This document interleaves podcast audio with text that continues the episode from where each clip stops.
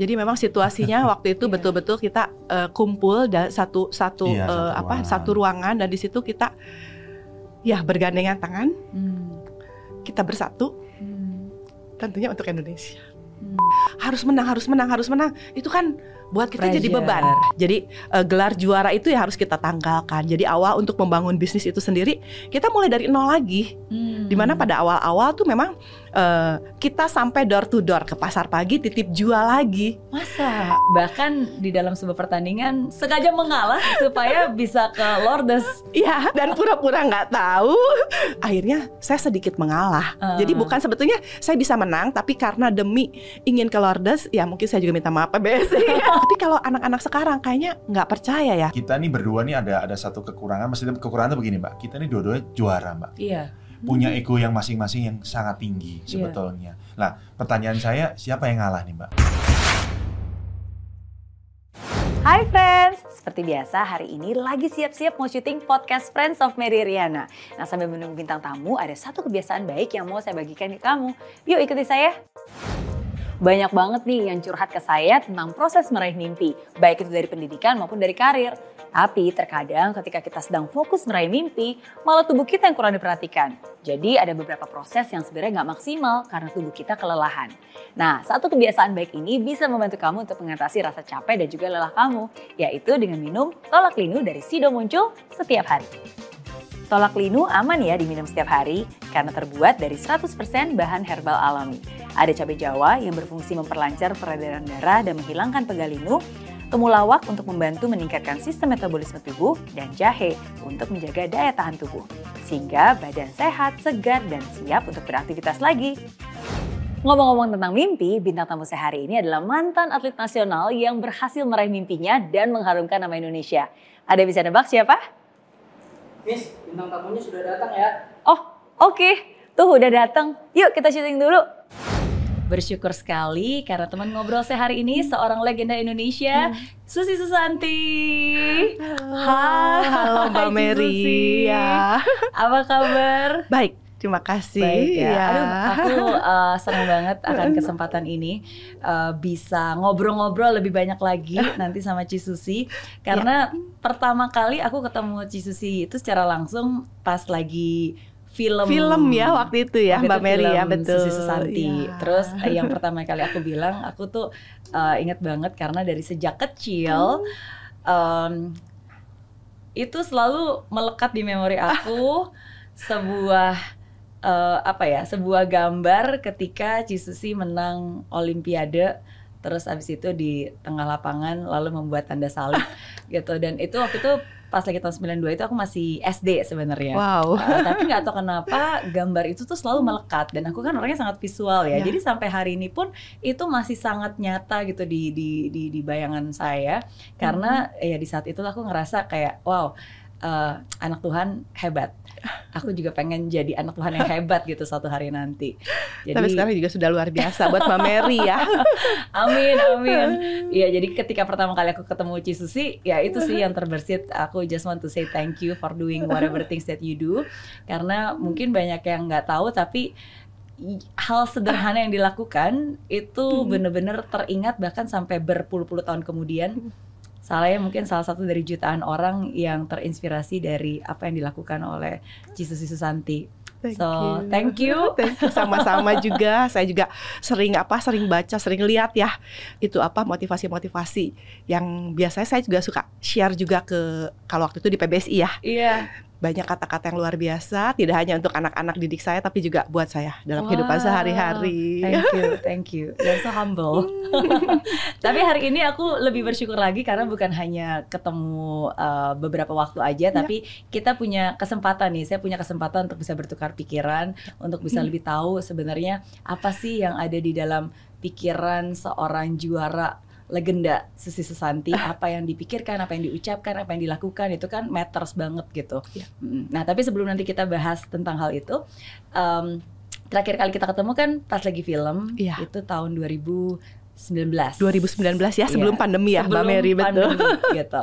Eh, apa yang sama dan apa yang berbeda dari seorang Susi Susanti selama lima tahun belakangan ini? Berarti dari 2018 sampai 2023. Mm, pasti ada banyak hal yang terjadi ya. Ya, Mm, Apa yang sama dan apa yang berubah? ya betul sekali Mbak Mary. Terima kasih juga kesempatannya kita bisa ngobrol-ngobrol di sini ya. Mm. Jadi memang eh, per- eh, perbedaan lima tahun sebelumnya maupun sekarang itu pastinya berbeda sekali. Khususnya pada saat lima tahun ini, mungkin tiga tahun ini ya kita ada pandemi ya. Mm. Itu sebetulnya juga eh, perubahan yang sangat drastis sekali. Tidak Hmm. hanya tidak hanya dalam kehidupan saya, tapi juga pasti masyarakat ya. Mm. Mungkin waktu lima tahun sebelumnya saya ada di PBSI.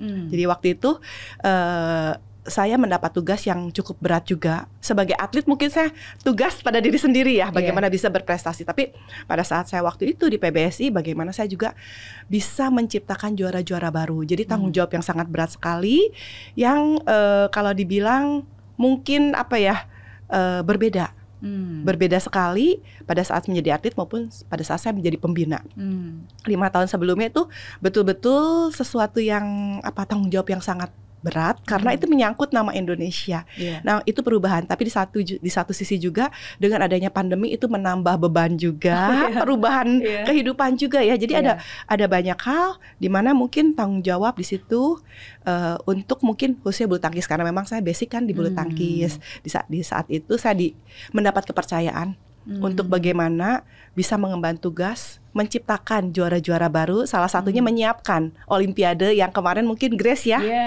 ya salah satu mungkin anak didik saya Grace yang eh, kita persiapkan 4 tahun sebelumnya untuk menjadi juara olimpiade di samping itu juga pastinya eh, rintangan-rintangan ya Mm. yang eh, menyiapkan itu kan dalam situasi pandemi itu Iya. yang sangat berat sekali tapi kita sudah melewati itu dan tentunya lima tahun kemudian kita sudah melihat hasil yang luar biasa Betul. jadi dalam menghadapi perjalanan hidup itu tidak tidak selalu bahwa kesulitan itu menghambat kita, Hmm. tapi dari kesulitan itu kita banyak belajar Mm. bagaimana kita berjuang, bagaimana kita melewati dan bagaimana kita menyerahkan semua kepada yang di atas. Mm. Mungkin itu perubahannya, mungkin lebih bijak, lebih apa ya kalau dibilang lebih mensyukuri, Betul. Dan betul. tentunya masih tetap bersemangat, betul. tidak hanya untuk bulu tangkis tapi juga saat ini saya juga lebih apa fokus terhadap anak-anak dan keluarga. Oke, i- itu yang luar biasa ya di tangan seorang juara kesulitan itu bisa berubah menjadi sebuah uh, kesempatan dan uh, hal yang pasti lebih baik lagi ya. Betul, itu Hmm. memang harapan, tapi tentunya tidak mudah ya Mbak Mary Hmm. ya. Bahwa saya juga masih banyak belajar karena Hmm. mungkin sebagai atlet saya yang bertanggung jawab pada diri saya. Tapi di saat saya menjadi pembina, tentunya ini sangat berbeda sekali karena Hmm. bagaimana saya harus mengurus anak-anak didik yang mungkin ada 100 orang yang Iya. berbeda, lalu juga menyiapkan mungkin program dan hal-hal lainnya termasuk juga rintangan-rintangan. Karena tiap anak-anak kan berbeda Beda, ya, betul. Jadi dari semangatnya, dari apa ya impiannya, kadang-kadang mungkin dari sifat bawaannya ya. Dan yang terpenting bagaimana menyatukan mereka, memberi semangat agar mereka tahu tujuan dan impian mereka Hmm. bisa tercapai. Oke, karena kalau tujuannya jelas dan itu penting buat dia, pasti dia juga akan mengusahakan. Betul sekali Mm-mm. ya. Uh, ada bedanya nggak setelah ada film Susi Susanti sama sebelum ada film Susanti? Eh pastinya ada ya. Hmm. Mungkin orang tahu eh, sebelumnya mungkin tahunya Susi pada saat juara-juara, tapi pada Iya. saat saya eh, apa semua pengalaman saya dituangkan di film, mereka tahu oh ternyata menjadi juara itu tidak Hmm. mudah, butuh proses, butuh perjuangan, ya tentunya butuh apa ya pengorbanan juga ya Hmm. bahwa untuk mencapai impian itu betul-betul jatuh bangun dan Iya. itu yang mereka lihat dan saya senang sekali bahwa eh, mungkin dari film saya juga memberikan satu apa ya motivasi inspirasi terhadap Hmm. anak-anak muda bahwa jangan takut untuk bermimpi Iya. mimpilah setinggi tingginya karena dengan bermimpi kita tentunya punya kemauan dari kemauan kita mau kerja keras untuk bisa menggapai impian itu Hmm, jadi bukan hanya orang lihat hasil akhirnya Betul. ketika dapat medali emas Iya. dan lagu Indonesia Raya dikumandangkan, betul tapi kita semua khususnya anak-anak muda Iya. yang mungkin pada saat itu belum lahir di tahun. 92, jadi melihat sekali. jernih dan prosesnya. proses ya yang bagaimana harus latihan, betul. bagaimana harus membuat keputusan, Betul bagaimana sekali. harus tinggal merantau sendiri, tinggal di Iya. asrama di usia yang harus mandiri ya sangat betul muda. iya betul sekali jadi memang proses itu yang mungkin mereka juga bisa apa ya eh, memberikan kekuatan juga kepada mereka mungkin yang memang eh, saat ini mungkin ya sedang merantau mencari apa Hmm. mengejar impiannya ya bahwa dalam situasi apa pun kalau kita memang terus gigih terus berjuang kita pasti bisa Amin. Oke, um, saya selalu bilang hasil yang kita semua lihat di dunia Ya. ini, yang terlihat itu sebenarnya be- berakar dari sesuatu hal yang tidak terlihat. Oke, i- yang tidak terlihat itulah yang sebenarnya menggerakkan kita dan kalau misalnya yang kita lakukan benar ya makanya hasilnya juga baik. Betul. Nah, yang tidak terlihat itu adalah apa yang ada di pikiran, Pikir. mindset of Iya. a champion, kata-kata apa yang diucapkan dan apa yang akhirnya selalu dikerjakan. Yang mungkin orang nggak lihat tapi dia tetap mengerjakan. Nah, mungkin balik lagi ke pengalaman Cisusi ya. Iya. Kita lihat di masa-masa kecil dulu. eh, mindset juara seperti apa sih yang selalu ditanamkan dan selalu ada di pikiran Cisusi? Iya, mungkin eh, saya banyak sekali mendapat nasihat dari khususnya papa ya. Jadi sebetulnya impian saya menjadi juara dunia itu sebetulnya impian papa. Hmm. Jadi waktu itu papa ingin jadi juara dunia tapi karena cedera akhirnya terputus tuh di Hmm. tengah jalan. Nah, papa melihat bahwa saya juga punya bakat dan saya juga kayaknya keinginannya sama, hobinya sama itu bulu Oke. tangkis. Nah, di situlah papa melihat bahwa aduh kayaknya ini bagus nih anak nih punya bakat dan tentunya juga eh, mungkin sedikit berbeda dengan saudara saya tidak hanya bakat saya punya kemauan yang kuat karena saya Hmm. orangnya juga nggak mau kalahan banget ya Emang dari kecil dari berarti? kecil karena saya satu-satunya eh, perempuan Aha. di keluarga otomatis saya termasuk tomboy Iya. dalam setiap ya setiap permainan apa pun ma- permainan laki-laki saya tetap nggak mau kalah meskipun saya cewek kayak main kelereng lalu naik pohon lah main layangan pokoknya nggak mau Hmm. kalah deh apalagi ka- kalau lari seperti itu nah jadi papa selalu menyarankan bapak selalu menasihati kalau memang kamu mau ya kamu harus lakukan Hmm. janji adalah janji Hmm. jadi waktu itu saya bilang, iya pak, saya pengen jadi pemain badminton seperti Pak Rudi Hartono. Oke, kamu harus berlatih. Jadi setiap eh, saya bilang, iya besok pagi mau latihan.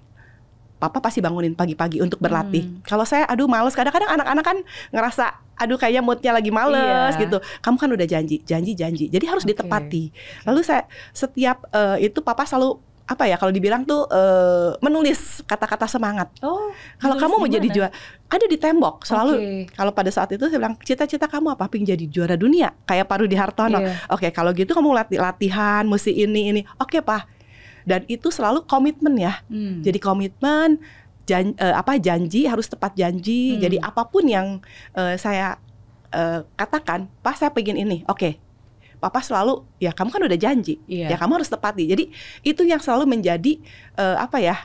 Kalau dibilang tuh eh, pemikiran ya atau pemikiran Hmm. dalam setiap saya melakukan Contohnya mungkin eh, saya pada saat saya main bulu tangkis, eh, saya ingin juara dulu. Waktu itu kan juara tasik dulu deh. Hmm. Nah papa bilang kalau kamu mau jadi juara ya kamu harus latihan ini ini. Oke pak saya mau. Hmm. Nah karena saya udah ngucapin saya mau, papa akan melatih memegang kata-kata betul memegang itu ya. kata-kata itu. Oke. Dan biasanya saya kalau udah gitu ya janji adalah janji dan saya harus nepatin. Oke. Jadi hal itu yang selalu terbawa sampai saya besar. Begitu pula di bulu tangkis. Pada saya saya sudah komit bahwa target saya ini ini saya akan mengejar itu Hmm. sampai saya bisa mencapai itu semua. Jadi dan yang terpenting papa selalu mengatakan bahwa kekalahan itu bukan akhir dari segalanya. Hmm. Orang pasti berproses, tidak mungkin ada yang langsung berhasil. Iya. Di saat gagal, papa selalu ngomong kamu sebetulnya bisa, tapi kamu masih ada kurang kiri kanan kur- kurang gitu.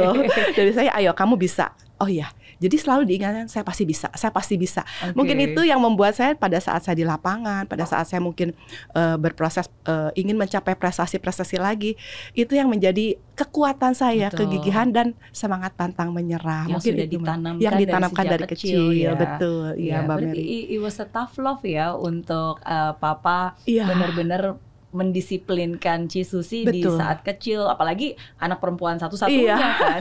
Itu pasti sebenarnya juga ada pergolakan tersendiri tuh. Betul Ini sekali. men- dengan mendisiplinkan anak kan tentu saja eh, apa ya? eh, kadang-kadang kalau anaknya nggak mengerti atau kurang dewasa, dia akan em, apa ya nggak suka sama orang tuanya kok Iya. orang tua saya galak banget sih disiplin banget sih gitu kan Kadang-kadang mungkin terbesit ya iya dari apa pemikiran saya juga. Aduh, papa kok kayaknya saya udah juara aja, nggak pernah dipuji kayak gitu Iya. kan. Ah, udah bagus, tapi masih ada lagi kan juara yang lebih Hmm. tinggi. Jadi papa selalu apa ya kalau dibilang tuh memberikan semangat Hmm. yang baru lagi bahwa jangan puas dengan satu kemenangan. Hmm. Tapi kalau kamu ingin mencapai eh, yang tertinggi, otomatis kamu harus melewati apa step by step satu satu lagi satu lagi yang lebih baik dan lebih baik lagi dengan Hmm. latihan lebih rajin dan lebih berat lagi. Nah itulah yang memang selalu ditanamkan. Ya. Tentunya juga itu mungkin menjadi pengaruh besar sekali dalam kehidupan saya pada saat saya bermain bulu tangkis. Oke, oke. Dan setiap kali kemenangan pasti mungkin lebih banyak kalahnya daripada menangnya ya. Betul, awal nggak? awal awal aduh kalah lagi, kalah lagi, tapi ya itulah bahwa eh, di saat mungkin kita kalah ada seseorang yang selalu memberikan support kepada kita. Di situlah Hmm. kekuatan ada. Saya merasa bahwa eh, saya tidak sendiri Iya. dan papa juga selalu ya tentunya juga eh, dengan apa ya kalau dibilang eh, support yang sangat luar biasa dari mama papa. Hmm. Lalu juga eh, dari kecil juga mungkin secara apa eh, setiap minggu juga saya diajak ke gereja. Hmm. Nah itu juga memberikan satu keyakinan bahwa saya tidak pernah sendiri Oke. di mana pun saya berada, apalagi dalam lapangan. betul. Saat itu mungkin eh, saya berjuang sendiri, tapi saya merasa bahwa ada papa, ada Iya. Tuhan, ada mama yang selalu menemani saya. dan ada orang-orang yang mendoakan Betul. di saat itu. Iya ya. betul sekali. Oke. Em, kalau kita berbicara tentang kemenangan, pasti yang paling diingat salah satunya adalah eh, Olimpiade, Olimpiade. emas tahun 92. Iya. Tapi kalau kita bicara tentang kekalahan, Iya. em, ada nggak sih kekalahan yang paling diingat? Apa? Eh, pastinya kekalahan banyak ya Mbak Hmm. Mary ya, tapi yang paling kalau dibilang paling diingat sama saya yaitu eh, Piala Dunia.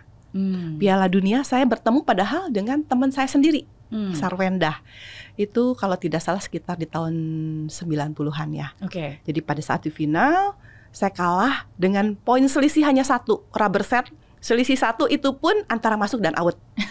Aduh kayaknya tuh nyesek banget di situ bahwa aduh kayak harusnya saya kan bisa menang. Hmm. Kenapa? Tapi ya pasti kecewa. Biasa saya kalau kalah tuh selalu nangis. Hmm. Ke kamar mandi saya nangis, tapi setelah itu saya langsung pastinya introspeksi ya, merenung. Hmm. Aduh kenapa sih saya kalah? Saya selalu mencari Hmm. kenapa saya kalah dan kenapa saya menang. Nah, itu yang Hmm. memang selalu diingatkan oleh pelatih maupun papi saya juga. Oke. Jadi pada saat itu, aduh, berarti saya harus menganalisa, Iya. menganalisa kenapa sih saya kalah. Saya selalu catat. Jadi Iya, eh, kayak pelajaran sekolah, saya punya catatan banyak banget kayak diary kayak gitu. Oke. Setiap main saya catat kenapa saya menang, kenapa saya kalah. Iya, itu biasanya eh, eh, ini ini yang menarik ya, karena kan kalau tadi kita berbicara apa sih yang ada di pikiran, yang diucapkan dan dilakukan Betul. eh, untuk menjadi mental seorang juara. Kalau semuanya baik-baik aja pasti wah pasti bisa Iya, semangat, iya, disiplin, betul. ada keinginan karena ada hasil. Iya. Tapi justru di saat kalah, apalagi ini kekalahan yang wah nyesek banget. Menyakitkan betul. Kalau kata zaman sekarang tuh namanya kena mental gitu. Iya. Iya kan? Nah, jadi apa yang terbersit? Dan kalau tadi Cip Susi bilang, oh biasa saya introspeksi. Nah, berarti berapa lama tuh dari pertama kali kayak kalah gitu, apa yang terpikir dan eh, kapan akhirnya mulai sadar dan introspeksi?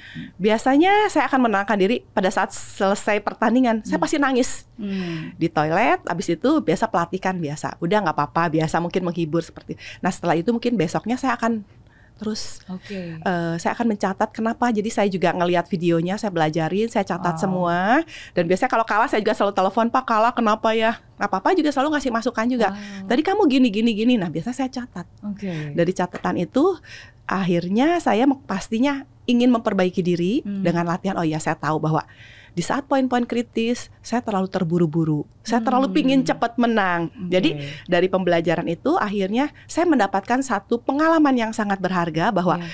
eh, setelah pertandingan ini saya tidak boleh mengulangi kesalahan itu lagi Iya. dan justru itu yang menjadi satu kekuatan buat Wow. saya setelah itu jadi kadang-kadang mungkin kekalahan itu bukan eh, membuat kita jelek membuat Iya. kita terpuruk pada saat kita bisa bangkit dan kita bisa memperbaiki dan mengetahui kenapa kita kalah sebetulnya itu bisa menjadi satu kekuatan Hmm. setelah pertandingan itu di pertandingan-pertandingan lain setiap poin-poin kritis saya selalu mengingatkan diri saya jangan buru-buru Jangan buru-buru. tenang asal masuk asal masuk kamu bisa jadi positif ya Wow. kata-kata positif itu yang mengingatkan pada saya agar saya tidak mengulangi kesalahan yang sama Oke. jadi dari dari pembelajaran yang mungkin tidak baik ya ya dari kekalahan itu Iya, membuat saya tuh ya orang mungkin mengatakan mental saya kuat iya. sebetulnya itu tidak Oh, mungkin iya? sama karena di lapangan pun saya tegang sekali saya Uh-huh. juga sering merasa apa ya kadang-kadang juga serba salah kayak blackout juga tapi berusaha menenangkan diri dan selalu Hmm. mengingat mengingat Hmm. bahwa nggak boleh menyemangati diri sendiri dengan Iya. kata-kata positif agar ya pastinya lebih tenang, lebih yakin, lebih siap lagi pada saat poin- poin-poin kritis seperti itu. Oke, ini beberapa uh, kalimat sakti nih yang tadi diucapkan oleh seorang Susi Susanti ya. Jadi pertama tenang, itu Betul, penting banget betul ya. sekali. Of course namanya juga orang lagi kalah, lagi galau, Iya. sedih itu pasti. Betul. Emosi itu ya Iya. memang wajar ya dan Betul. itu memang harus di- di- dituangkan, tapi Dikeluarkan. dituangkan di waktu yang tepat dengan tempat yang tepat Iya. juga. Kalau Ci Susi pada saat itu ya udah ke kamar mandi nangis, Iya. dia dikeluarkanlah semuanya. Memang butuh waktu, tapi ya jangan berlama-lama. Betul sekali. Setelah tenang, baru deh kita bisa berpikir jernih nih. Kenapa, apa yang harus bisa dilakukan dan punya kebesaran hati untuk bisa mengulang kembali kekalahan-kekalahan itu. Karena kan nggak banyak orang loh Iya. bisa mau nonton ulang lagi, mempost dan mengamati dan menyadari kekurangannya di mana. Iya. Jangan sampai kita terpuruk pada saat Iya. kita jatuh, jangan kita terus terpuruk dengan kayak menyalahkan diri sendiri, mencari alasan. Hmm. Itu tidak akan menyelesaikan masalah dan tidak akan eh, apa ya kalau dibilang merubah hasil Iya. bahwa kekalahan itu adalah saya selalu selalu diingatkan atau mungkin saya selalu eh, melihat kata-kata yang positif Hmm. kekalahan itu adalah awal dari kemenangan Hmm. karena dari kekalahan itu kita harus berjuang untuk bisa terus ya Iya. gigih untuk memperbaiki diri dan tentunya untuk merubah dari kekalahan itu menjadi satu kemenangan. Setuju. Aduh seneng banget kalau ngomong sama orang yang sefrekuensi ya.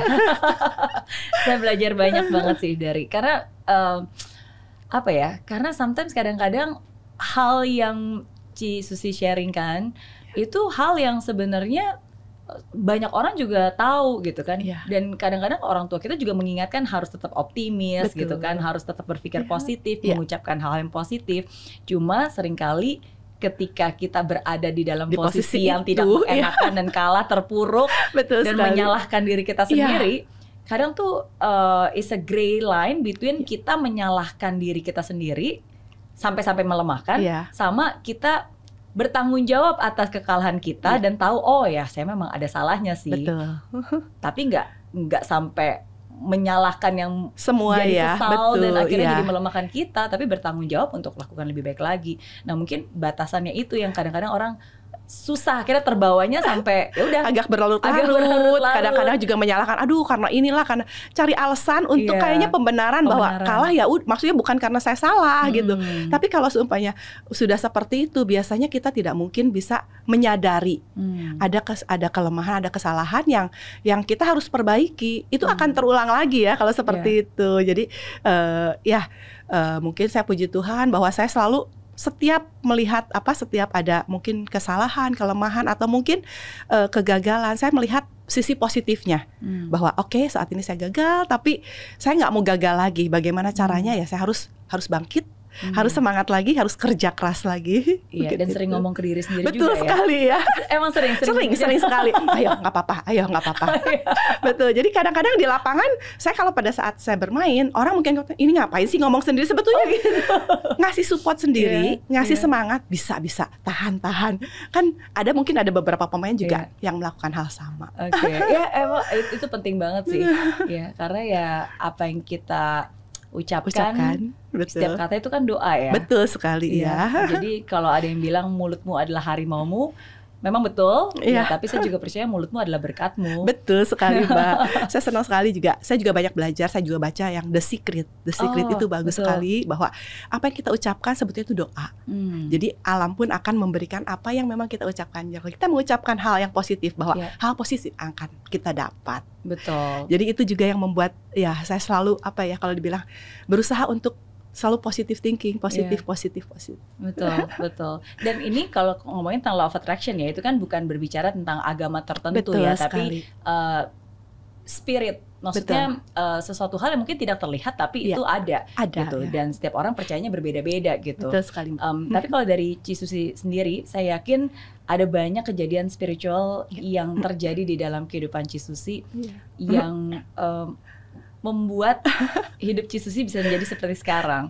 Uh, bisa diceritakan nggak mungkin satu pengalaman spiritual yang paling selalu diingat? Eh, kalau spiritual sebetulnya kalau dibilang saya apa ini banget sama Tuhan nggak juga saya juga Hmm. sering bolong-bolong ke gereja juga kalau nggak bisa ya nggak tapi memang saya percaya sekali kepercayaan saya adalah eh, Katolik ya Hmm. bahwa eh, saya selalu di mana pun saya berada dalam situasi apa pun saya selalu berdoa kepada Hmm. Tuhan Yesus dan juga Bunda Maria. Hmm. Dan pengalaman yang paling mungkin paling eh, tidak pernah saya lupakan Hmm. eh, pertama kali saya ke All England. Jadi Hmm. waktu itu ada pengalaman kalau dibilang mungkin di luar nalar manusia tapi itu pernah kejadian sih Hmm. pada saya.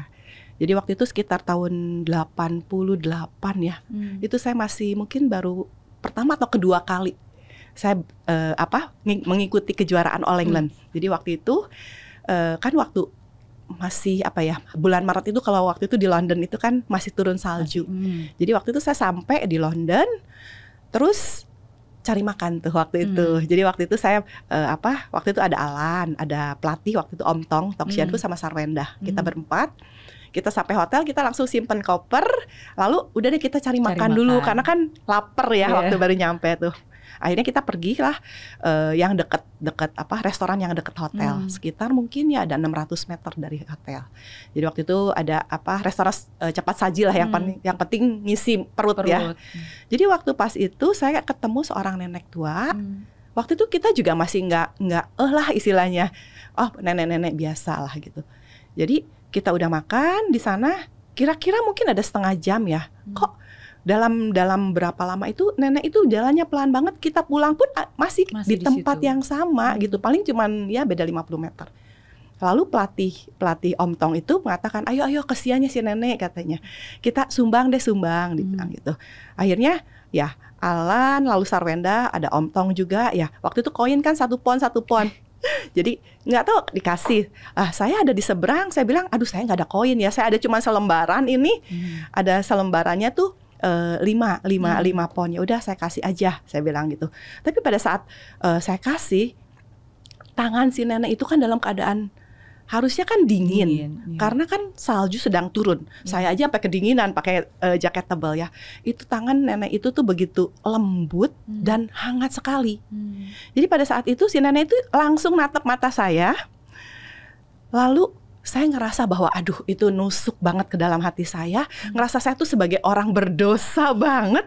Tahu-tahu saya nangis sejadi-jadinya. Dipegang seperti ini, Wow. dia lihat mata saya, saya nggak bisa, nggak nahan. Hmm. Langsung saya lari ke hotel. lari ke hotel, bingung semua. berkata-kata berkata-kata saya cuma aduh saya kok ngerasa kayak Hmm. orang berdosa saya Hmm. bilang gitu lalu eh, Alan sama Om Tong dan Sarwenda lari ngejar saya kenapa sih kenapa saya bilang nggak tahu saya ditatap tuh kayaknya saya ngerasa sebagai Hmm. berdosa saya bilang kesian kesian saya bilang cariin dong si nenek itu mungkin diantar pulang atau gimana Hmm. terus dalam ya mungkin di, di apa eh, kalau dilihat tuh mungkin satu menit dua menit lah dari hotel itu Alan sama Om Tong lari cari lagi si nenek Hmm. itu saya bilang "Pan- ke apa ke Pati Jompo atau apa kesian saya bilang gitu Hmm. dia cari lagi nenek itu udah nggak ada dicari sekelilingnya udah nggak ada Wow.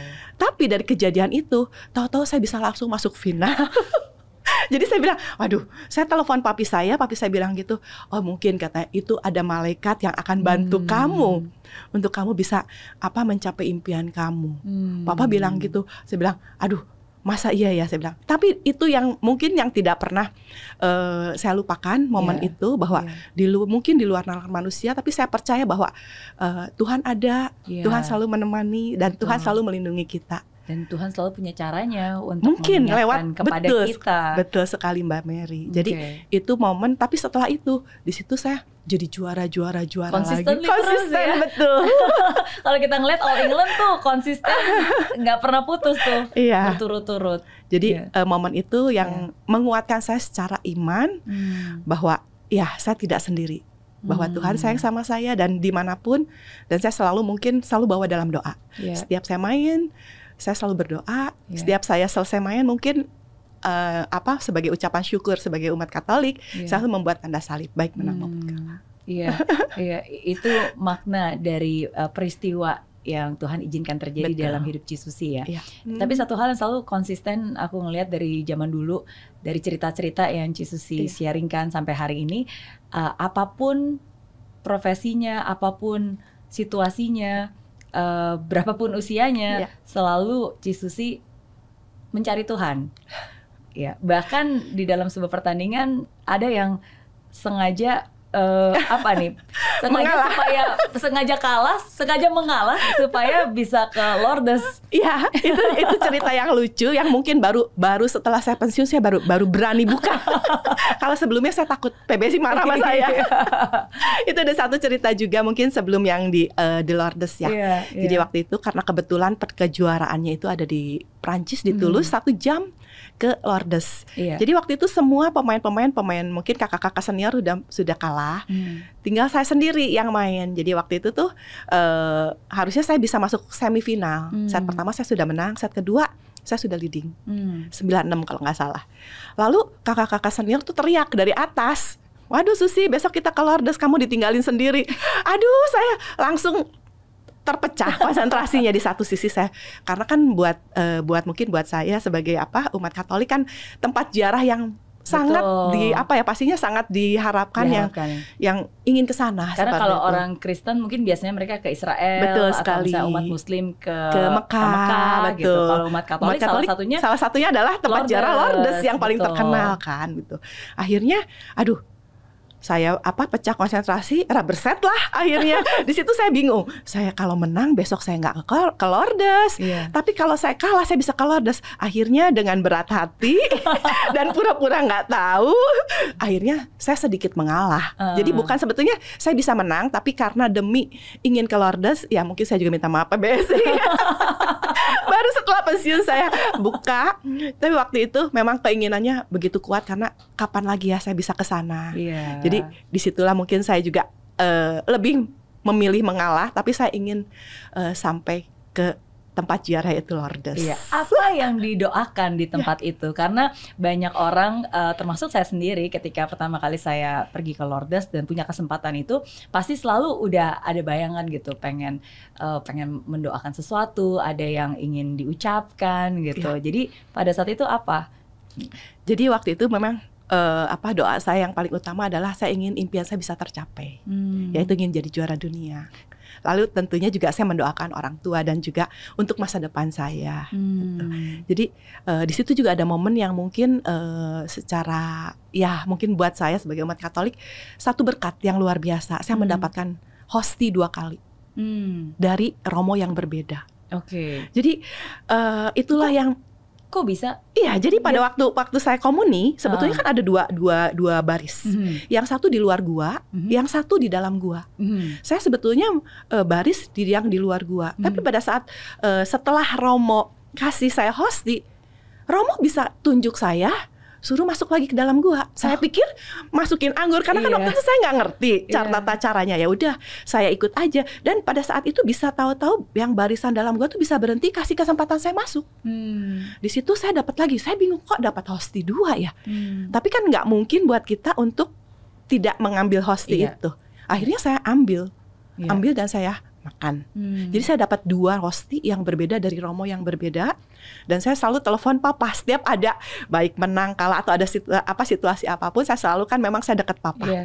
Saya tanya, "Pak, kenapa dapat hosti dua?" Saya bilang gitu.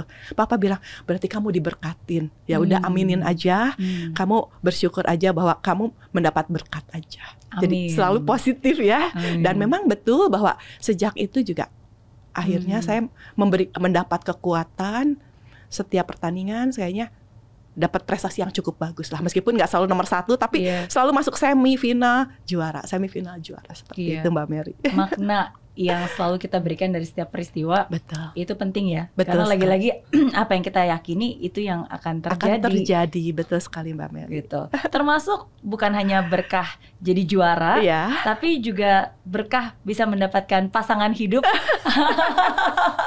Yang luar biasa yang senantiasa selalu ada di dari saat perjuangan betul saat kemenangan iya sampai sekarang iya betul Iya. sekali Mbak Kalau ada Cisusi pasti nggak lengkap kalau nggak ada koalan ya. Dan hari ini bersyukur nih kita bisa hadirkan juga ada koalan Budi Kusuma. Alan Budi Kusuma.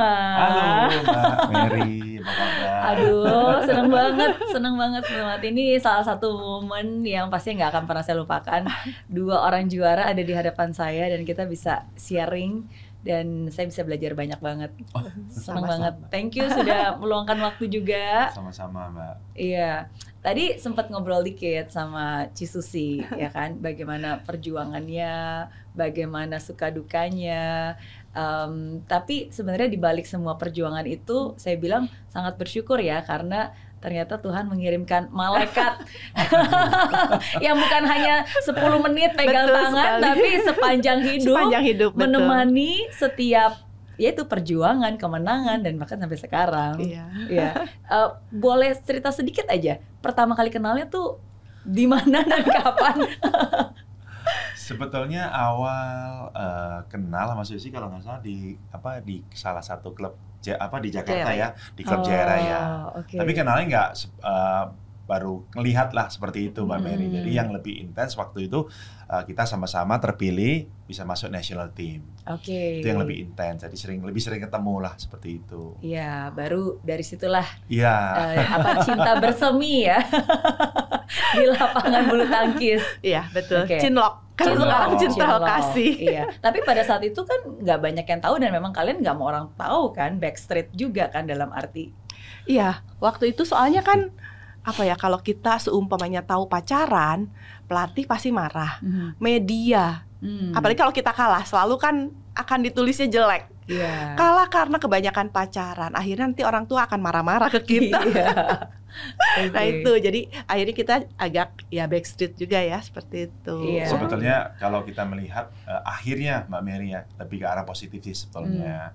Karena emang kan sebetulnya pacaran kita ini bukan pacaran yang ya bukan membenarkan diri, tapi Betul. maksudnya memang lebih banyak eh, membahas masalah bulu tangkis sih. Betul. Karena kita sudah keep promise berdua bahwa seperti eh, cita-cita dari papanya Susi juga dan papa Hmm. saya juga kebetulan juga suka bulu tangkis. Jadi Hmm. bilang, "Papa mau kirim you ke, ke Jakarta, inget ya mau jadi pemain, bukan Hmm. pacaran." Oh, Pak, ngerti. Iya. Tapi di dalam perjalanan kan biasa lah Mbak, tadi banyak yang melintir lah. Betul, betul. Lalu di press tuh apa di koran kan dulu kan, wah kalah kebanyakan pacaran nih. Wah, betul, betul.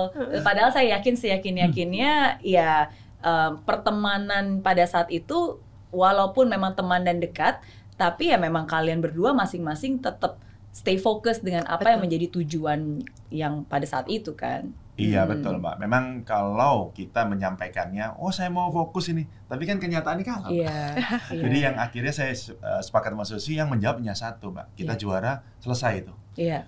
Ya kan se- segala sesuatu statement yang ya yang membuat apa statement yang negatif ya kita sebutnya kebanyakan pacaran lah, kebanyakan yang enggak-enggak lah seperti itu Mbak. Betul, betul. Dan akhirnya dibuktikan dua-duanya juara uh, Olimpiade, medali emas untuk Indonesia di Olimpiade tahun 92.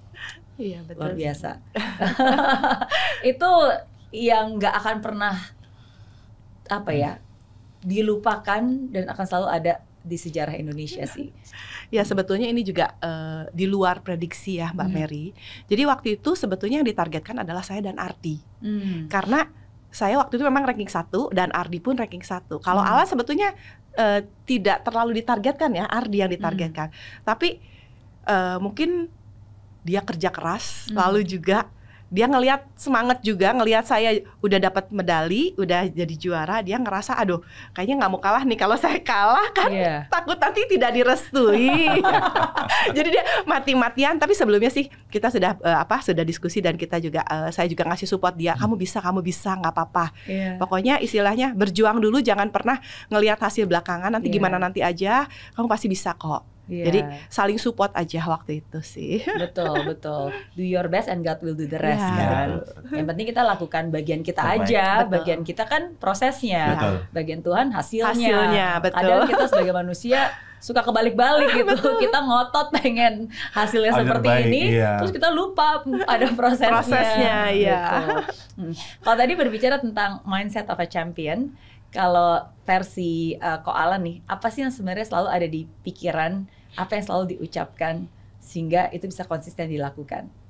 Ya memang eh, sebetulnya kalau kita melihat mbak ya, jadi kalau dalam satu kita melakukan satu hal lah Hmm. seperti itu. Jadi kalau kita tidak yakinin, kita tidak apa namanya percaya, Hmm. saya rasa juga sulit pak ya itu bisa apa namanya eh, terjadi. Tentunya juga ada satu lagi motivasi mbak. Hmm. Jadi itu merupakan satu hal kesatuan yang harus jadi satu mbak. Hmm. Jadi percaya, lalu apa namanya punya motivasi, punya keyakinan juga, Hmm. dan tentunya satu lagi yang terakhir ya harus kerja keras mbak. Yang tadi mbak Mary sampaikan proses itu adalah segalanya. Saya melihatnya seperti itu. Iya, kalau Ci Susi kan tadi suka ngomong kepada diri sendiri nih di lapangan. Kalau Kak Alan gitu juga nggak?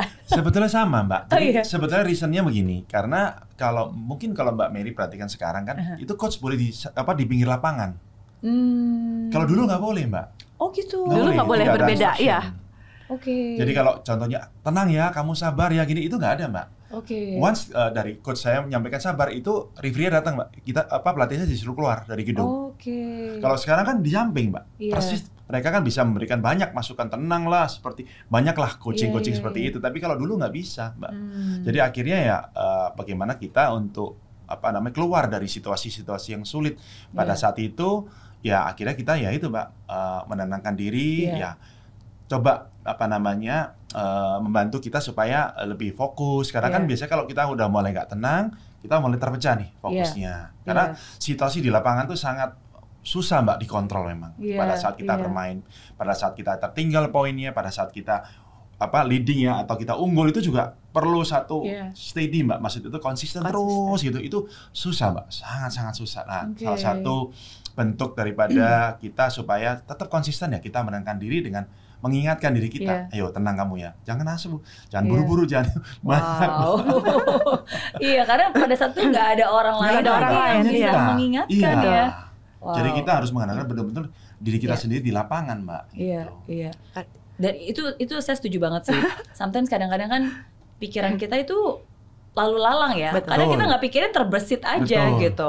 Dan em, kalau buat buat saya pribadi, cara paling efektif untuk bisa mengalahkan pikiran negatif itu bukan dengan pikiran positif. Karena kalau pikiran sama pikiran ini berantem, Iya. betul Iya, mereka sama kuatnya sering kali. Betul. Iya. Jadi sering kali caranya ya pikiran negatif harus dengan suara Suara, positif. Iya. Jadi betul kita pikirin positif juga, tapi kita ucapkan. Ucapkan, Mbak, betul. saya pasti bisa. Iya. Oke, tenang. Iya. Jadi dengan suara itu yang at least punya jadi punya tenaga tambahan untuk ngalahin pikiran yang negatif gitu. Jadi saya sering kali mengeluarkan suara yang positif juga ya supaya bisa melawan melawan yang negatif pikiran di kepala negatif iya itu. Betul. betul ditambah lagi Berbagi mungkin pressure pressure dan juga penonton satu Penonton. gedung. Kadang-kadang kan Oh. Bener, Mbak, kanan kita. kita nggak mereka wah apalagi di- kalau bertanding di Malaysia mbak. Iya. waduh.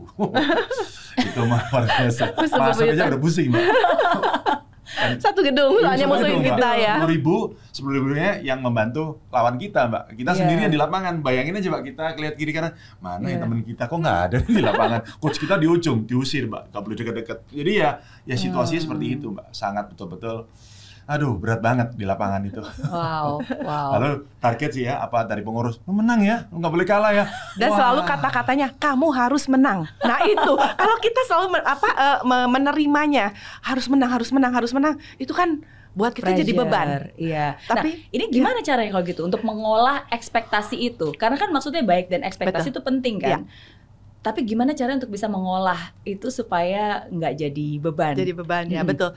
Kalau mungkin awal-awal saya menerima juga agak sedikit negatif ya. Aduh kok jadi beban? Kenapa saya harus harus Hmm. harus sempat saya waktu itu pernah sampai nangis. Hmm. Karena saya selalu juara dua aja dibilangnya gagal. Kamu Hmm. harus menang, harus menang, harus menang. Jadi harus, harus, harus. Akhirnya saya merubah. Bilang, oh ternyata eh, PBS itu percaya banget sama saya. Indonesia tuh percaya bahwa saya punya tugas dan saya tidak boleh mengecewakan mereka. Hmm. Jadi saya berusaha untuk eh, merubah cara berpikir saya bahwa ini bukan bukan beban, Hmm. tapi ini tanggung jawab. Hmm. Tidak ada orang maksudnya eh, apa saya mendapat kepercayaan yang luar biasa, bukan kepada orang lain diberikan tapi kepada saya. Hmm. Nah, itu mungkin sedikit mengurangi beban saya. Oh ya, orang udah percaya saya jangan sampai ngecewain ya. Iya. Jadi cara berpikir seperti itu akhirnya membuat saya tuh tidak terlalu terbebani, tapi justru saya berusaha keras untuk bisa menyelesaikan tugas dan bisa apa eh, memberikan hasil yang memang Hmm. apa yang dimaui oleh PBSI maupun oleh pemerintah. Hmm. Mengolah ekspektasi. Iya betul mbak. Memang kan seorang pemain itu kalau bertanding mbak ya, yang paling logik, logik adalah takut kalah mbak. Nggak mungkin ya. Once you masuk lapangan pasti gitu. Tapi kayak begitu itu pikiran itu agak berkurang aja sedikit, itu beda mbak. Hmm. Takut kalah itu sudah umum. Jadi harus lebih rileks kali ya, Iya. atau bukan rileks ya? Lebih tenang lah, Lebih Mbak. tenang iya, ya. yang tadi Susi sampaikan, kita Oke. harus tenang memang di lapangan. Baru kita bisa berpikir, Mbak. Oke. Karena kan kita mengadu strategi, Mbak, ya di lapangan. Jadi Iya. kita bisa melihat apa yang dilakukan oleh apa lawan kita, strategi apa yang dilakukan, baru kita bisa mengcounter, Mbak. Hmm. Uh, strategi itu dengan kita tenang, Mbak. Hmm. Dan ya itu Mbak tadi yang pikiran lalu lalang itu. Jadi nggak fokus di badmintonnya, yang di kepala nih banyak nih, Kepala. Mbak. Iya. Betul, betul. Dan ini pernah terjadi ya. Ini saya pengen mengangkat satu momen yang luar biasa sih menurut saya. Bagaimana Ko Alan bisa juara di tengah prahara. Tahun 98. Di saat itu ada kerusuhan, tapi di saat itu juga Piala Thomas Cup Iya, dimenangkan. Dan waktu itu Ko Alan apa kapten timnya ya? iya betul. Mm. Ya memang, wah itu kalau situasi itu se- uh, sebetulnya uh, beyond Mbak ya. Uh, karena situasi yang 98 itu adalah situasi yang menurut saya susah, susah apa namanya, uh, apa namanya di apa ya diprediksi maupun susah. Segalanya susah lah Mbak seperti itu. Hmm. Itu salah satu pengalaman Iya kan, yang satu pengalaman yang, menakutkan, wah, menyedihkan ya buat Iya. kita semua. Iya. Tapi jadi, ya, Ya, tentunya itulah. itu kita kita sama-sama berjuang ya waktu itu. Iya. Kita merasa bahwa mungkin eh, sedikit menambahkan waktu itu juga situasinya luar biasa. Kita berangkat dilepas oleh Presiden Soeharto. Hmm. Pada saat di Hong Kong itu sendiri kita mengalami satu ya kekhawatiran, ketakutan tentang Hmm. keluarga kita di sini. Karena begitu berangkatnya kan 11 Mei Betul. 98. Betul. Sedangkan persis, Persis. besoknya ada eh, Trisakti belum lama, Iya. iya. Dan Lalu akhirnya ja- kerusuhan. 13 Betul. 14 pada saat itu 14. ya, di Hong Kong. Betul. sedang ada di Hmm. Hong Kong. Iya, betul sekali. Dan Jadi kita waktu itu masuk final, Mbak. Hmm. Final-final kejadian itu. Jadi uh, saya waktu itu dipercaya oleh PBSI untuk mendampingin teman-teman lah, uh, termasuk Susi dan yang lain-lain untuk bisa memenangkan atau membawa Piala Thomas ke Hmm. Indonesia. Jadi Hmm. saat itu ya memang situasinya kan seperti itu, Mbak. Jadi uh, apa namanya simbang siur, banyak hal-hal yang yang apa uh, pemberitaan negatif ya. pemberitaan negatif Iya, juga saat di luar dan itu. juga teman-teman kan akhirnya telepon kan pasti ke orang tuanya dan Hmm. situasi itu kan yang diterima kan semuanya negatif Iya. tentunya itu membuat eh, apa kita kehilangan pegangan kehilangan konsentrasi mbak pasti karena Hmm. kita udah nggak apa nggak terpikir untuk bertanding itu mbak sebetulnya itu Iya. lalu kita ya duduklah bareng-bareng ini mau gimana saya bilang gitu ini mau diterusin atau kita berhenti di sini gitu Hmm. loh. jadi kalau diterusin ya lebih baik kalau berhenti ya sayang gitu kalau udah di final mbak Hmm. dan urusan di Indonesia ya saya pikir ya ya sudah terjadi kan mbak kita bisa apa kan nggak ngerti juga kita mbak Iya. dari sisi kita kan ada hal yang di luar kita gitu secara politis lah seperti itu jadi saya pikir kalau teman-teman sepakat ya kita tetap fight mbak Hmm. bagaimana kita bisa memenangkan pertandingan ini kan kita sudah jalan sejauh ini kita sudah persiapan sangat luar biasa untuk Thomas Cup ini dan Uber Cup tentunya ya bagaimana kita bisa bawa pulang nih Hmm. sesuai dengan tugas ya dan Iya. Dari BBSI mbak seperti itu Jadi memang situasinya waktu itu Iya. betul-betul kita eh, kumpul dan satu satu Iya, satu apa ruangan. satu ruangan dan di situ kita ya bergandengan tangan, Hmm. kita bersatu Hmm. tentunya untuk Indonesia. Hmm. Bukan hal yang mudah. Iya. itu Karena hal yang di, paling sulit mbak di saat dalam- eh, kalian berdua berjuang untuk Indonesia, iya pada saat itu yang terjadi di Indonesia, iya mereka justru eh, melakukan hal-hal yang di luar nalar manusia. Iya, betul betul mbak Hmm. itu Jadi- yang sangat berat mbak bagi kita semua waktu Iya. itu sampai ya banyak lah mbak Eh, mungkin teman-teman kan apa namanya eh, di luar mbak ya jadi saya hanya eh, apa karena saya kapten jadi Hmm. ada hal-hal yang di luar anak-anak saya tidak sampaikan mbak jadi Hmm. waktu kita ada meeting dengan pengurus juga sama mbak beberapa teman kan banyak masalah gitu Hmm. ada yang mallnya dibakar lah lalu juga bayar hotelnya juga nggak bisa harus Kartu kredit cash, di di di, diblok. di blok. Di blok? jadi Di blok. wah itu kacau semua Jadi waktu itu, itu. Eh, apa salah satu pengurus mungkin sekarang eh, Pak iya duta besar duta besar eh, Korea. Korea waktu itu kan Hmm. ada di Bantu PBSI dia bantu banyak. datang khusus Oh, bawa uang Pak cash. Sulis. Pak Iya. Iya. Bawa Datang uang cash, cash. seperti itu jadi banyak mbak yang saya tidak sampaikan ke Iya. teman-teman semua supaya nggak tambah Tambah bingung, Betul. tambah panik itu. gitu. Betul, betul. Dan bahkan kita juga sampai kita nggak berani pakai waktu itu eh, almarhum eh, manajer kita adalah al- almarhum eh, Pak Agus Wirahadikusuma. Hmm. Jangan pakai Indonesianya kita balik. Karena kan Hmm. kemarahan dari apa masyarakat Hong Kong juga cukup eh, itu juga ya. Iya, Iya. tekanan buat kita Tekanan juga, juga. Seperti Iya. itu. Karena pada saat itu di Hong Kong pun yang memang mayoritas adalah uh, Chinese, Chinese betul. mereka justru malah mengecam apa yang terjadi di Terjadi di Indonesia. Indonesia, bahkan memusuhi Indonesia, kita, iya. Apa pun Iya. Indonesia mereka anggapnya sama, Mbak. Iya, jadi walaupun sebenarnya Iya orang meskipun saya yang Chinese, keturunan Chinese pun akhirnya kita juga Juga. terdampak gitu. Iya. Ada salah satu temennya Susi masuk taksi disuruh keluar, Mbak. Dari mana Indonesia? Keluar deh, bilang gitu. Hmm. Kita nggak terima di Indonesia di sini. Hmm. Wah.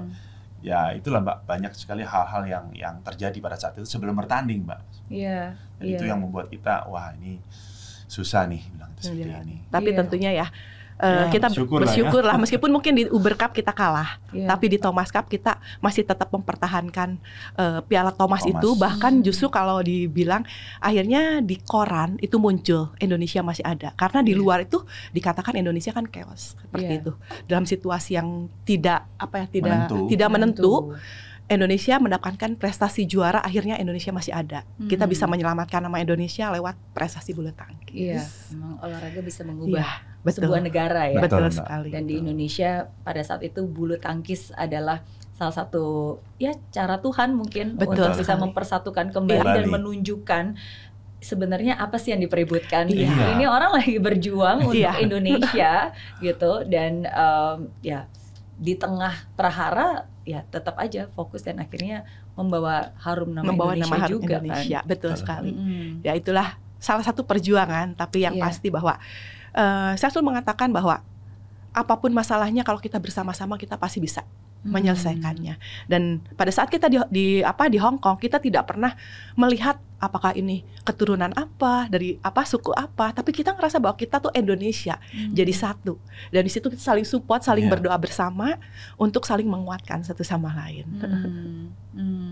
Nggak mudah tidak mudah Tapi itulah yang menjadikan Iya. kan kalian berdua bukan hanya juara tapi legenda ya untuk Indonesia. iya Iya. Dan akhirnya yang mengantar presiden pada saat itu Pak Harto Pak Harto pada saat penyambutan penyambutan Presiden Pak Habibie. Habibie. Pak Habibie. Iya, Habibie. betul. iya itu um, unforgettable moment ya. Iya. Iya. Tapi setiap pengalaman itu pasti membawa pelajaran. Betul. Setiap pengalaman pasti membawa penguatan. Iya. Betul. bukan hanya untuk kita yang mengalaminya tapi untuk generasi selanjutnya Generasi yang selanjutnya mungkin betul. sekarang menyaksikan dan mendengarkan dan mungkin jadi jadi tahu Iya. situasinya seperti apa Betul. gitu. Em, tapi saya bersyukur melihat uh, anda berdua GCC dan Koalan ini luar biasa ya selalu konsisten karena walaupun itu sudah terjadi lebih dari 25 tahun yang lalu Iya. em, medali-medali yang didapatkan pun juga udah terjadi puluhan tahun yang lalu Iya. karena kan udah pensiun Udah Iya. pensiun lama, lama Udah sekali. pensiun lama gitu. Tapi satu hal yang menarik nih, aku pengen bilang bahwa banyak orang bilang, wah atlet itu masa tuanya pasti susah. Tapi ini salah satu bukti nyata. Karena setelah atlet ada banyak yang dilakukan ya sekarang. Ya kebetulan aja Mbak. Sebetulnya eh, intinya adalah eh, bagaimana kita bisa apa namanya eh, apa namanya memanage lah ya, Memanage keuangan Hmm, kita dengan sebaik-baiknya. Tapi kita juga harus belajar lagi, Nah, Mbak, iya, tentunya. sebetulnya belajar juga sih. Iya. Mbak. Gimana Iya. transisinya? Kan kalau sekarang eh, ada salah satu yang pastinya selalu dikenal eh, Aztec.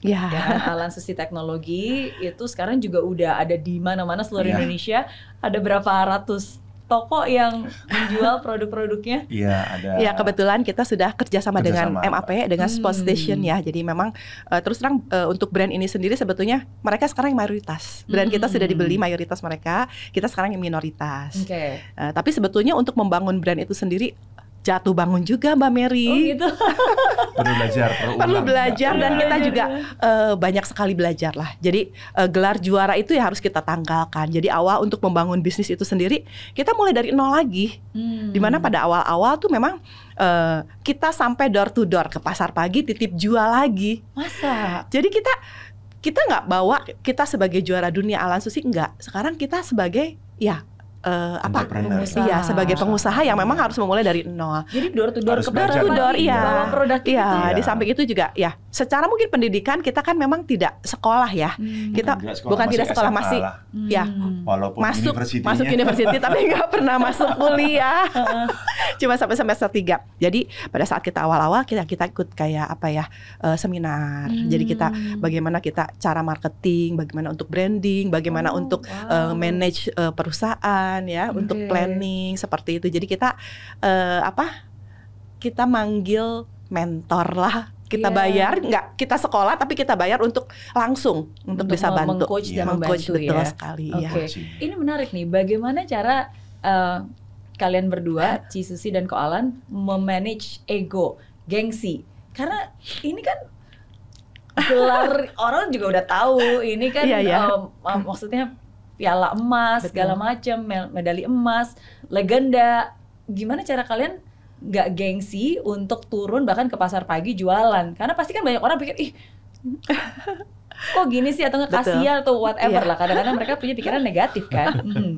Sebetulnya eh, apa namanya dari orang tua Mbak dan juga dari pelatih. Hmm. Jadi mereka eh, dengan dengan pengalaman mereka lah Mbak. Jadi mereka kan sebetulnya kan mereka contohnya pelatih saya juga dia juga juara dunia. Jadi Hmm. dia apa memberikan advice ke kami berdua juga orang tua. Pada saat Anda naik tribun menerima hadiah juara satu, itu adalah Anda adalah champion. Hmm. World champion, champion apa pun. Tapi once you turun dari apa tribun itu atau dari Podium. apa namanya Podium. podium, Anda siapa? Tidak bukan siapa-siapa, Sama dengan yang lain. sama dengan yang lain. Hmm. Jadi sebetulnya itu juga yang membuat kita bahwa eh, kita ngerasa jadi juara itu pada saat kita di atas, Hanya jadi di podium aja. Saat kita turun, Oke. ya kita sama dengan yang lain. Itu yang membuat kita juga bahwa kita ingin terus eh, menjadi lebih baik dan lebih baik lagi. Mungkin kita udah juara All England, tapi kan ada lagi nanti juara dunia yang lain. Nah, pada saat setelah All England, saya latihan lagi, saya sama dengan atlet-atlet lain bahwa Iya. eh, kita bukan siapa-siapa. Nah itu mungkin lebih memudahkan kami pada saat kami Oke. pensiun. eh, pada saat kita pensiun, ya udah gelar juaranya ditanggalin deh. Mungkin omongan orang atau apa, ya biasalah Banyak, mungkin Mbak. kepo banyak. Kita juga dengar. Tapi Ya. buat saya, ah kita kan cari makan ya. Karena Iya. kan mungkin sekarang ol- apa olahragawan di Indonesia masih belum dapat jaminan Iya. dari pemerintah otomatis setelah kita Apalagi selesai. di zaman itu Iya, ya, kalau betul. zaman sekarang Kalau sekarang masih ada bonus, bonus, betul. sponsor zaman Betul. dulu. Kalau dulu ya ucapan terima kasih aja. Eh, satu M bonusnya. M-nya makasih. Makasih, Iya. betul. Satu M, makasih, gitu. Makasih. Jadi hal itulah yang membuat kita bahwa ya kita harus mulai dari mulai lagi dari nol Oke. karena kita adalah masyarakat sama dengan yang lain. Hmm. Jadi memang harus memulai kalau kita dengerin omongan orang, kita ng- ngapain? Kan Hmm. kita rugi gitu. Hmm. Kita jalanin, kalau kita laku ya otomatis kan buat kita. Iya. Tapi paling tidak kita berusaha untuk menjadi entrepreneur meskipun mulai dari nol lagi Hmm. seperti itu. Wow. Wow. Ini berarti benar-benar mindset of a championnya tuh bukan hanya menjadi pemenang ya, tapi proses untuk mengulang lagi menjadi Betul. pemenang, Ya. menanggalkan yang memang sudah lewat dan ya udah eh, menjalankan apa yang memang harus dijalankan karena Iya. kan industrinya berbeda, Betul Sangat sekali, berbeda, sangat Mbak. berbeda. Betul. ya kan? Iya. Ya, Tapi kan kita kalau jadi entrepreneur kan memang masih dari nol, masih dari baby. Jadi kenapa kita mesti gengsi ya? Jadi Iya. waktu itu saya pikir Wow. ya udah kita belajar, belajar lagi, ya. baru belajar. Jadi kita juga nggak malu untuk bertanya atau gimana sih caranya. Jadi eh, buat Justru kita, kita, juga karena seneng sering ya. datang ke toko Mbak, Ya. ketemu sendiri dengan owner, itu kita juga mereka kita juga Dapat dapat masukan. advice Mbak, Iya. dapat masukan Iya. juga banyak. Oke. eh, Karena jadi kan banyak mereka rata-rata juga Pengalaman, hobi, ya. juga Iya. di samping mereka juga pengusaha yang luar biasa dan juga mereka hobi mbak. Ternyata Iya. banyak yang hobi bulu tangkis juga, jadi uh, nyambung lah mbak. Jadi mereka masuki apa banyak kasih masukan ke kita juga mbak. Iya. Seperti itu. Terus Iya. belajar mbak, mungkin di bulu tangkis saya juara, tapi kan di bisnis kan saya masih belajar. Iya. Karena saya juga harus Iya. berusaha lagi untuk belajar. orang lebih rendah hati selalu gitu ya, selalu mau belajar. ya, akhirnya bisnis eh, Aztec, Iya. terus eh, Ada sport Fontana massage, Fontana. ya. Betul, Membantu iya. kalau ada yang Ya sebetulnya itu juga kita ngelihat ada peluang aja dari hobi. Kan biasa sebagai seorang atlet itu kan setiap habis bertanding atau berlatih pasti kan Perlu harus ada relaksasi, Iya. pemulihan. Pemulihan. Nah, setelah saya Iya. pensiun, otomatis kan eh, saya udah jarang. Tapi banyak tetangga-tetangga tuh nanti ada yang Temen salah, lah. ya Ah. ada teman tetangga salah tidur, nanti Salah kepleset, urat. ya ini pijet di mana? Kamu kan Heeh. biasa kan atlet kalau cedera biasa pasti ada kan terapis. Akhirnya saya kenalin. Saya bilang kenalin kok rugi ya. Saya ngeliat ada peluang ya. Akhirnya Iya. sama sama teman baik saya akhirnya kita bukalah namanya Oh, Fontana. Eh oke. dan ternyata dari situ sangat diterima Sangat sekali berkembang. betul di masyarakat. intinya sih membantu sih, Mbak. sih Iya. betul, betul, iya. betul. Jakarta Barat ada nggak nih terdekat? Ada Oh, di ada Juanda, ya? ada di. Juanda, ada Ada di di Kedoya. Kita udah ada 10 Oh cabang. wow, Bantu. oke, oke. Uh, bisnis makanan juga. Ya. Baru baru baru baru belakangan Iya, lah baru ya. F&B, iya. Belajar juga di bisnis Oke, makanan. Dan dan bisnis-bisnis lainnya yang merambah. Ya, that- Iya. itu amazing sih. Itu menunjukkan bahwa um, apa pun pilihan hidup kita, mau sebelumnya itu atlet, Iya, atau betul. mungkin jadi guru, Betul. atau jadi pengacara, sebenarnya bukan profesinya sih yang menentukan Iya. seseorang itu akan sukses di masa tuanya atau enggak, tapi ya bagaimana kita mengelola apa yang sudah dipercayakan ke kita aja Betul. ya kan karena walaupun memang atlet tapi ya at least bisa beralih profesi atau nggak bisa menggunakan kesempatan yang pada saat itu sudah didapatkan digunakan untuk mempersiapkan masa depan yang berikutnya Betul. betul, Mbak. Dan tentunya karena kita sekarang kan anak-anak udah mulai besar ya, mereka juga tentunya juga kan eh, harus punya masa depan. Kita coba untuk Iya. apa? mengarahkan mereka Mengarahkan, juga, membimbing gitu, mereka. Bagaimana kita menjadi satu tim, Mbak Ya. iya Betul. yang paling besar ini. Averina Averina, Iya, ya. keluarga. agak mirip namanya sama anak saya Oh, ya? Alvernia Makanya agak takut ke Sleo umur berapa berarti paling besar Eh, sudah 24 dia baru selesai S2 dia. wow nggak ada yang jadi atlet tiga-tiganya Eh, Yang jadi atlet serius sih nggak ada. Nggak Mereka ada. bisa bulu Hmm. tangkis, tapi hanya untuk main-main aja buat olahraga School aja. team. School team Mereka aja. school team. Oke, ya. Oke, yang paling kecil umur berapa berarti? Yang kecil 20, 20. Oh, masih udah gede-gede semua. Iya, masih kuliah. Iya iya, bentar lagi nanti punya mantu nih, punya Waduh, cucu. masih belum. Tapi tantangan sebagai orang tua, eh, ini saya juga pengen banyak belajar ya, karena kan mungkin kita di masa-masa itu generasi X atau Iya. generasi zaman dulu lah, kita lebih tangguh ya. Betul. Em, kalau orang bilang generasi sekarang kan seperti generasi stroberi Iya, yang dipegang lembek, gitu. Lembek, betul. Kalau generasi kita zaman dulu katanya generasi duren. yang mau jatuh dari pohon pun ya Hayu, udah udah. ayo gitu kan yang yang kuat gitu ya, kan. Mau betul. jatuh berkali-kali pun Betul. bahkan sebenarnya yang menunjukkan kematangan adalah ketika dia jatuh Betul kan. Betul. sekali. Kalau nggak jatuh berarti belum matang Betul. gitu. Nah, gimana caranya eh, ya saya sebutnya generasi duren ya, mungkin nggak tepat, tapi gimana caranya generasi duren bisa mem- mendidik generasi stroberi supaya punya mindset of a champion dan ketangguhan seperti yang kalian punya. sebetulnya tantangan juga sih, Mbak, buat kita. Jadi untuk ya jangan jangan jauh-jauh lah anak kita sendiri kadang-kadang aja dengan kita aja Beda tidak pendapat. sepaham, Mbak. Hmm. Susah juga, Mbak. Jadi eh, takes time, Mbak ya. Kadang-kadang kita gimana ya? Kadang-kadang ya kita juga perlu apa ngobrol kali mau. kita juga pusing juga sebetulnya, Mbak. Iya. Apa yang paling berbeda biasanya? Sangat berbeda. Mereka kritis sekali ya. Setiap kita Hmm. Se- seumpamanya kita mengarahkan ini kenapa, ini kenapa, harus cari alasannya yang betul-betul bisa diterima baru mereka jalankan. Hmm. Mungkin hampir sama juga. Jadi untuk komunikasi dengan mereka tuh ya kita Tidak mudah, tidak mudah, Tidak tidak. mudah Kalau dulu juga. mungkin kalau orang tua kita ya Mbak ya, kamu mesti gini. Kita kan percaya bahwa Iya. itu udah pasti benar, Iya. udah pasti bagus buat kita. Tapi kalau anak-anak sekarang kayaknya nggak percaya ya. Emang Hmm. kenapa? Ini kenapa?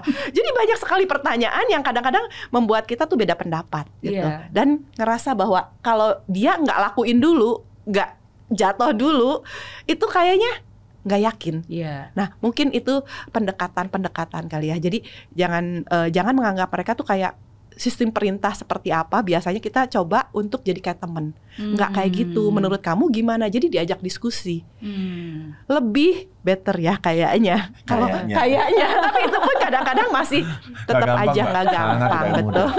Karena kan mereka kan ya tentunya secara pendidikan, secara Iya. knowledge kan mereka kan mungkin lebih advance Mbak ya, lebih pintar dari kita. betul. Dari itu yang membuat ya nggak gampang Mbak bicara dengan mereka gitu loh. Kadang-kadang saya bicara Oke, yuk contohnya Mbak ya, kalau ke sana itu macet gitu, Iya. jalanan Mbak ya. Dia nggak percaya Mbak. kalau macet tuh, oh iya macet ah. Ya, elah. Kan udah dibilang. Udah dibilang. kita udah ada bilang, "Papa, pengalaman." Udah 10 tahun tuh jalan situ macet terus, masa juga percaya? Yang gitu loh, Mbak. Jadi eh, kok rasanya apa ya? Ini juga apa namanya yang buat kita juga kesal juga sebetulnya. Mbak. Kok Iya. segitunya ya nggak percaya sama kita. Padahal kita nih, maksud saya gini loh, Mbak. Kasihan. Kan kita kasih tahu bahwa mereka jangan sampai ikut kita nih. Iya, Pas dia iya.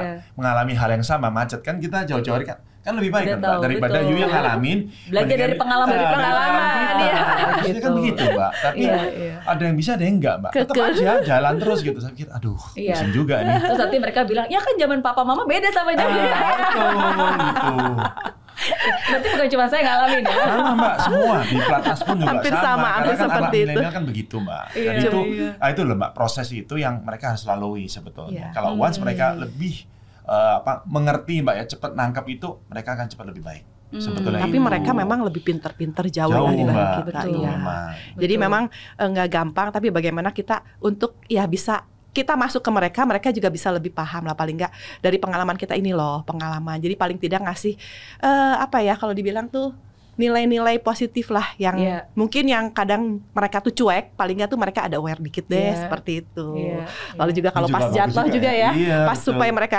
aduh kayaknya eh, contohnya mungkin mereka cari pekerjaan, aduh mah nggak keterima. Kadang-kadang mereka putus asa. Iya. Saya bilang nggak apa-apa. Memang seperti itu. Iya. Mama pun ngalamin. Otomatis mereka juga nggak langsung jatuh Iya. banget, tapi kita kasih support lagi. Mereka oh iya ya mah. Ah, lu kan dapet kan akhirnya. Yang penting kamu berusaha lagi, bangkit Hmm. lagi, coba lagi. Saya bilang dari 100 belum tentu kamu keterima, tapi kamu bisa coba masukin Iya. tiga. Tahu kamu dapet. Iya Iya. ya mah ya. Nah mungkin hal-hal itu yang mungkin lebih kita apa ya, ya tengah-tengah deh ketemunya. memang Seperti- perlu apa satu Proses ya. mental mbak kesiapan mental Kesiapan mental Memang. buat kita. Dan kesabaran dan pastinya. mereka dan mbak kesabaran. Kayak tadi mbak strawberry tadi mbak begitu nggak nggak tercapai waduh langsung kalau orang bilang mutung wah udah nggak bisa putus asa ya seperti itulah mbak Iya. jadi proses itu yang mereka harus sebetulnya mereka harus lalui juga Mbak. Betul, Seperti betul. Iya, setuju sih, seneng banget jadi kita ngobrol gini ya. Karena kalau tadi ibaratnya strawberry, yang satu duren, strawberry ketemu duren ya. Kalau itu mereka nggak paham, itu bisa hancur. Hancur, kan? betul. Padahal maksudnya baik. Baik. betul Maksudnya supaya mereka tangguh Iya, gitu betul. kan. betul mbak Iya, iya. Well, ya kita sama-sama belajar ya. Makanya saya juga Betul. pengen banyak belajar sih. Karena setiap anak itu pasti beda-beda gitu. Eh, dan mereka juga pasti ada masanya lah. Ya.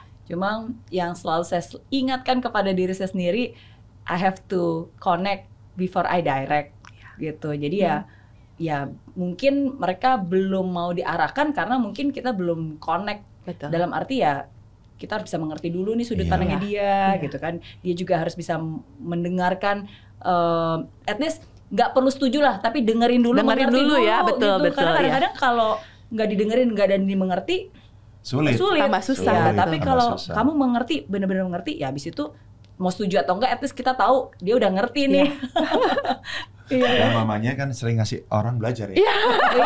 Tapi masih dipertanyakan sama. mamanya nih. Proses proses. Iya, iya. masih terus. Tapi sometimes kadang-kadang namanya juga anak ya. Anak. Pasti mereka sama kita juga. Kita kan apa ya kita pernah jadi anak Betul. tapi sekali. kan mereka nggak pernah jadi orang tua Iya. Nah, mereka itu mbak, itu yang yang pernah mereka jadi tahu. orang tua, iya. iya jadi sometimes memang ada saatnya mereka harus ngalamin sendiri baru oh, bener juga ya Tapi jangan ketebablasan. Mbak. jangan kebablasan oke pertanyaan terakhir nih mumpung ada Cisusi sama Ko Alan Eh, selain anak nih berarti eh, bagaimana kalian berdua bisa terus mempertahankan pernikahan yang luar biasa sampai hari ini karena kalau kita lihat sosial media itu begitu banyak mudahnya orang bercerai, berpisah, selingkuh dan untuk mempertahankan eh, sebuah pernikahan kan nggak mudah.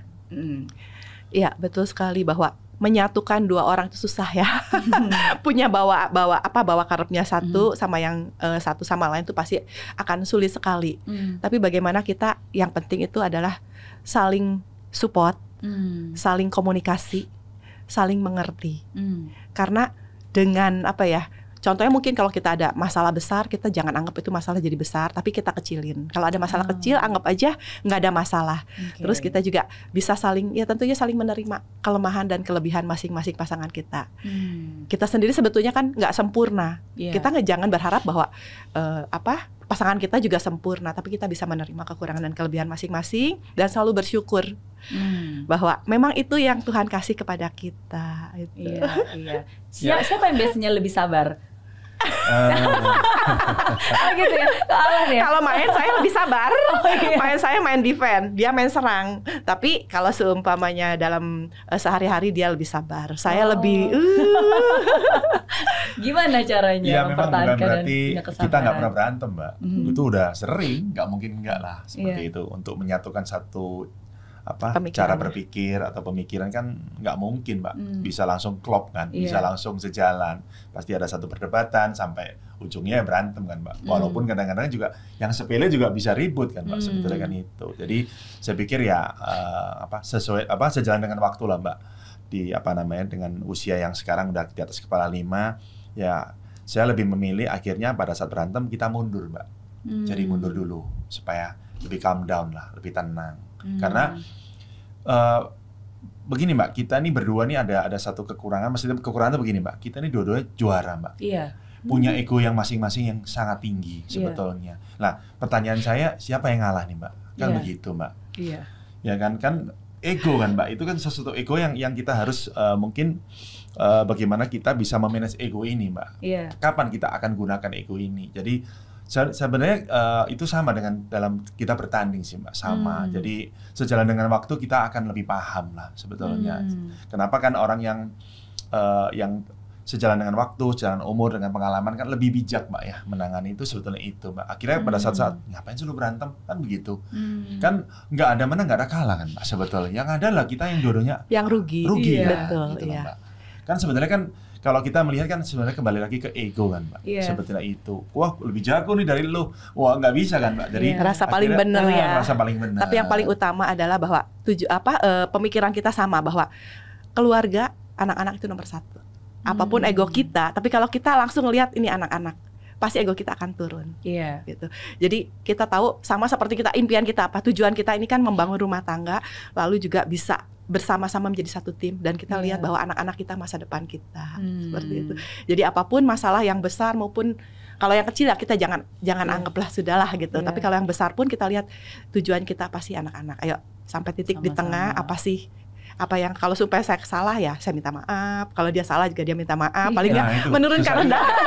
kembali ke ego kan, Mbak. gengsi, Iya kan? gengsi ya, Mbak, ya. Ego itu, itu kembali ke situ sih mbak. Iya. Iya, iya. Jadi apa apakah susah mbak? Kalau dibilang kan susah nggak sih lu ngomong sorry atau minta oh, itu susah, loh mbak. susah. Makanya yang yang sadar duluan, Iya. yang sabar, yang lebih sabar lah ya. Karena banyak mbak trigger itu banyak mbak. Di saat kita lagi nggak enak badan lah, lagi pusing lah, lagi stres itu triggernya banyak sekali membuat kita jadi egonya itu keluar mbak. Hmm. Jadi emosi panas seperti itu. Jadi saya pikir ya itulah mbak. Akhirnya kembali lagi yang tadi saya sampaikan bahwa nggak ada menang nggak ada kalah sih akhirnya Indian of the day mbak di family ini. Gitu loh. Iya. Yang Iya. ada adalah ya kita berantakan semua mbak. Akhirnya Iya. begitu. Kalau kita selalu mengedepankan ego mbak. Iya. dan tentunya juga pastinya dengan ya kita selalu kalau ada apa-apa selalu kita serahkan pada yang di atas Iya. dan selalu ingat janji Oh janji iya. perkawinan bahwa Betul. kita bukan lagi satu eh bukan lagi dua tapi satu Iya. apa yang diper, apa yang dipersatukan Tuhan tidak boleh dipisahkan oleh, oleh manusia. manusia. Oke, thank you sudah menjawab you, pertanyaan saya. Thank you sudah berbagi kisah, Iya. berbagi inspirasi. Eh, seperti biasa, biasanya kalau di Friends of Mary Riana, setelah menjawab pertanyaan saya, bisa tanya satu pertanyaan ke saya. Wah, Nah, buat saya jawab apa pun. apa sih ini? Apa ya? Waduh, Susah pertanyaannya. Oh, pertanyaan karena biasa ya jadi Iya. selalu ngasih motivasi jauh lebih banyak, Iya, lebih oh, bagus lebih dari kita. ya. Iya. Boleh tanya apa pun. Aduh, apa ya? Eh, mungkin pengalaman Mbak Mary ya, kalau Hmm. itu ya. Pengalaman Mbak Mary bagaimana eh, ya saya juga baca juga Hmm, dan juga ngelihat eh, filmnya Mbak Mary ya bagaimana Ah, keluar dari you. satu kesulitan. Iya. Mungkin kita eh, mungkin mirip-mirip tapi pastinya kan proses itu juga berbeda, ya. Berbeda. Iya. Jadi bagaimana Mbak Mary bisa keluar dari situasi sulit waktu itu? Oh, thank you, thank you. Berarti kalau Cisusi berbicara tentang saat itu, berarti 25 tahun yang lalu, Iya, tahun betul. 98. Karena pada saat itu terjadi, eh, saya masih remaja sebenarnya, masih 18 tahun, Wow. baru lulus Wow. SMA, gitu. Tadinya mau kuliah di Trisakti, Iya. cuman tiba-tiba ada kerusuhan dan seterusnya, akhirnya terpaksa mengungsi ke Singapura.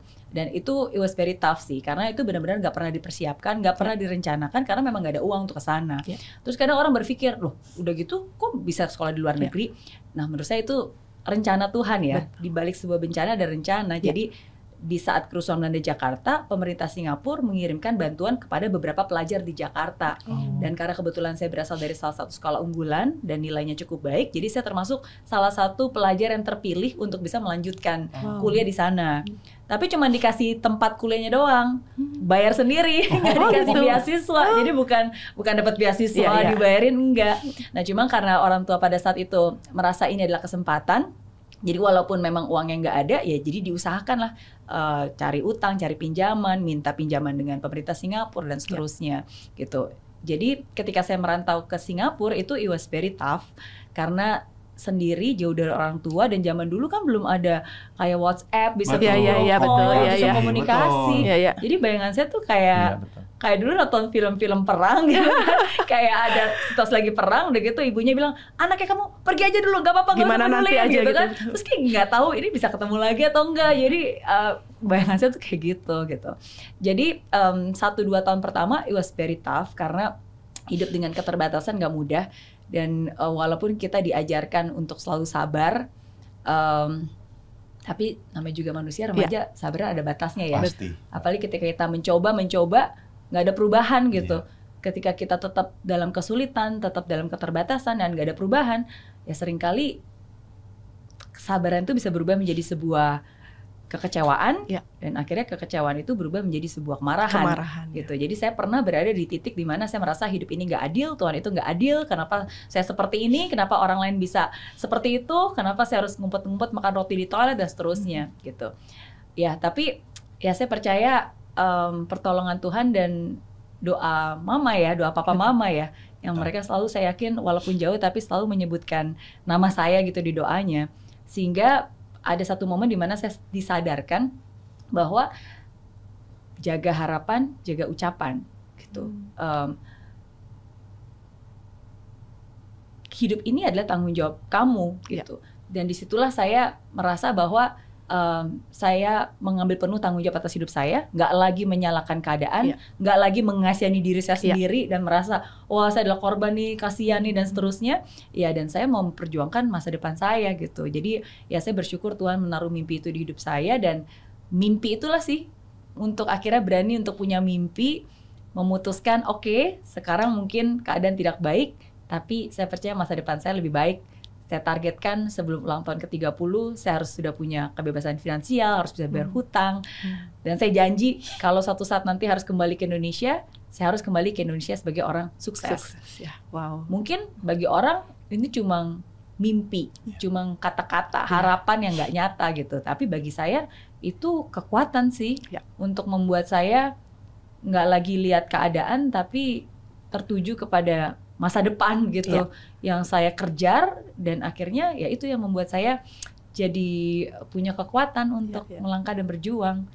Luar Hmm. biasa Luar biasa. sekali ya. Jadi memang dari pengalaman itu ya membuat Mbak Mary juga tentunya Lebih juga tidak hanya tough tapi Iya. menjadi orang yang sukses. Amin, Ya. amin. Jadi Harus punya tidak mimpi. hanya tidak hanya mungkin mimpi tapi mimpi tanpa perbuatan tidak mungkin mimpi itu bisa menjadi kenyataan. Setuju. Mungkin hampir sama dengan saya juga dan Alan juga ya Mbak Mary bahwa Iya. kita semua berjuang untuk mimpi dalam Iya. situasi yang tidak menentu, dalam situasi yang pastinya tidak selalu menguntungkan kita, Iya. tapi di saat kita gigih, kita terus berjuang dan pantang menyerah, tentunya itu akan menguatkan dan akan mencapai dan impian kita. Amin, setuju. Thank you sekali Thank lagi you, sudah berbagi. sama-sama. Sukses juga. terus buat Ci Susi, buat Ko Alan, dan sekarang juga ada podcastnya juga nih. ada apa? Ada ada channel YouTube baru kan? ya, kita ada baru belajar-belajar Oh, juga iya. tuh sama seperti Mbak Mary. Apa nih nama channel? Jadi nanti Alan, bisa eh, Alan dan Susi. Alan Alan ah Alan dan Susi ya. Alan Ya, dan Susi. Hmm, Oke, Susi. ya, luar biasa. Nanti abis ini bisa mampir-mampir ke channelnya. Iya. Ya semoga terus jadi inspirasi buat Indonesia. Thank you sekali lagi. Thank you Mbak Mary. Terima kasih. sama-sama.